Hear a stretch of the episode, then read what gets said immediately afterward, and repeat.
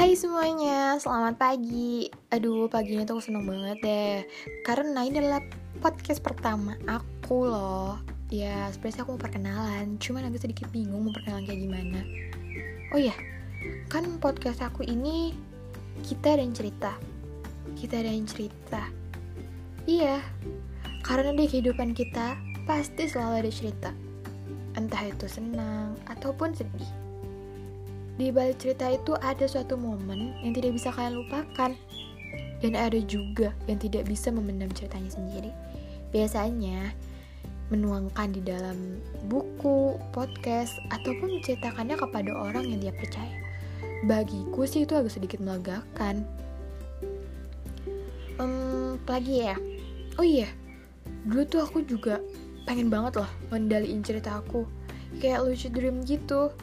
Iya, bermimpi tetapi kita bisa mengendalikannya. Jika cerita kita bisa dikendalikan, pasti di dalam cerita itu selalu indah, menyenangkan, dan gak ada tuh yang namanya sedih. Siapa sih yang mau sedih? Tapi sih itu kayaknya gak mungkin deh, cuman mimpi aku aja. Hmm, sekian dulu deh perkenalannya, soalnya aku juga gak tahu mau gimana lagi.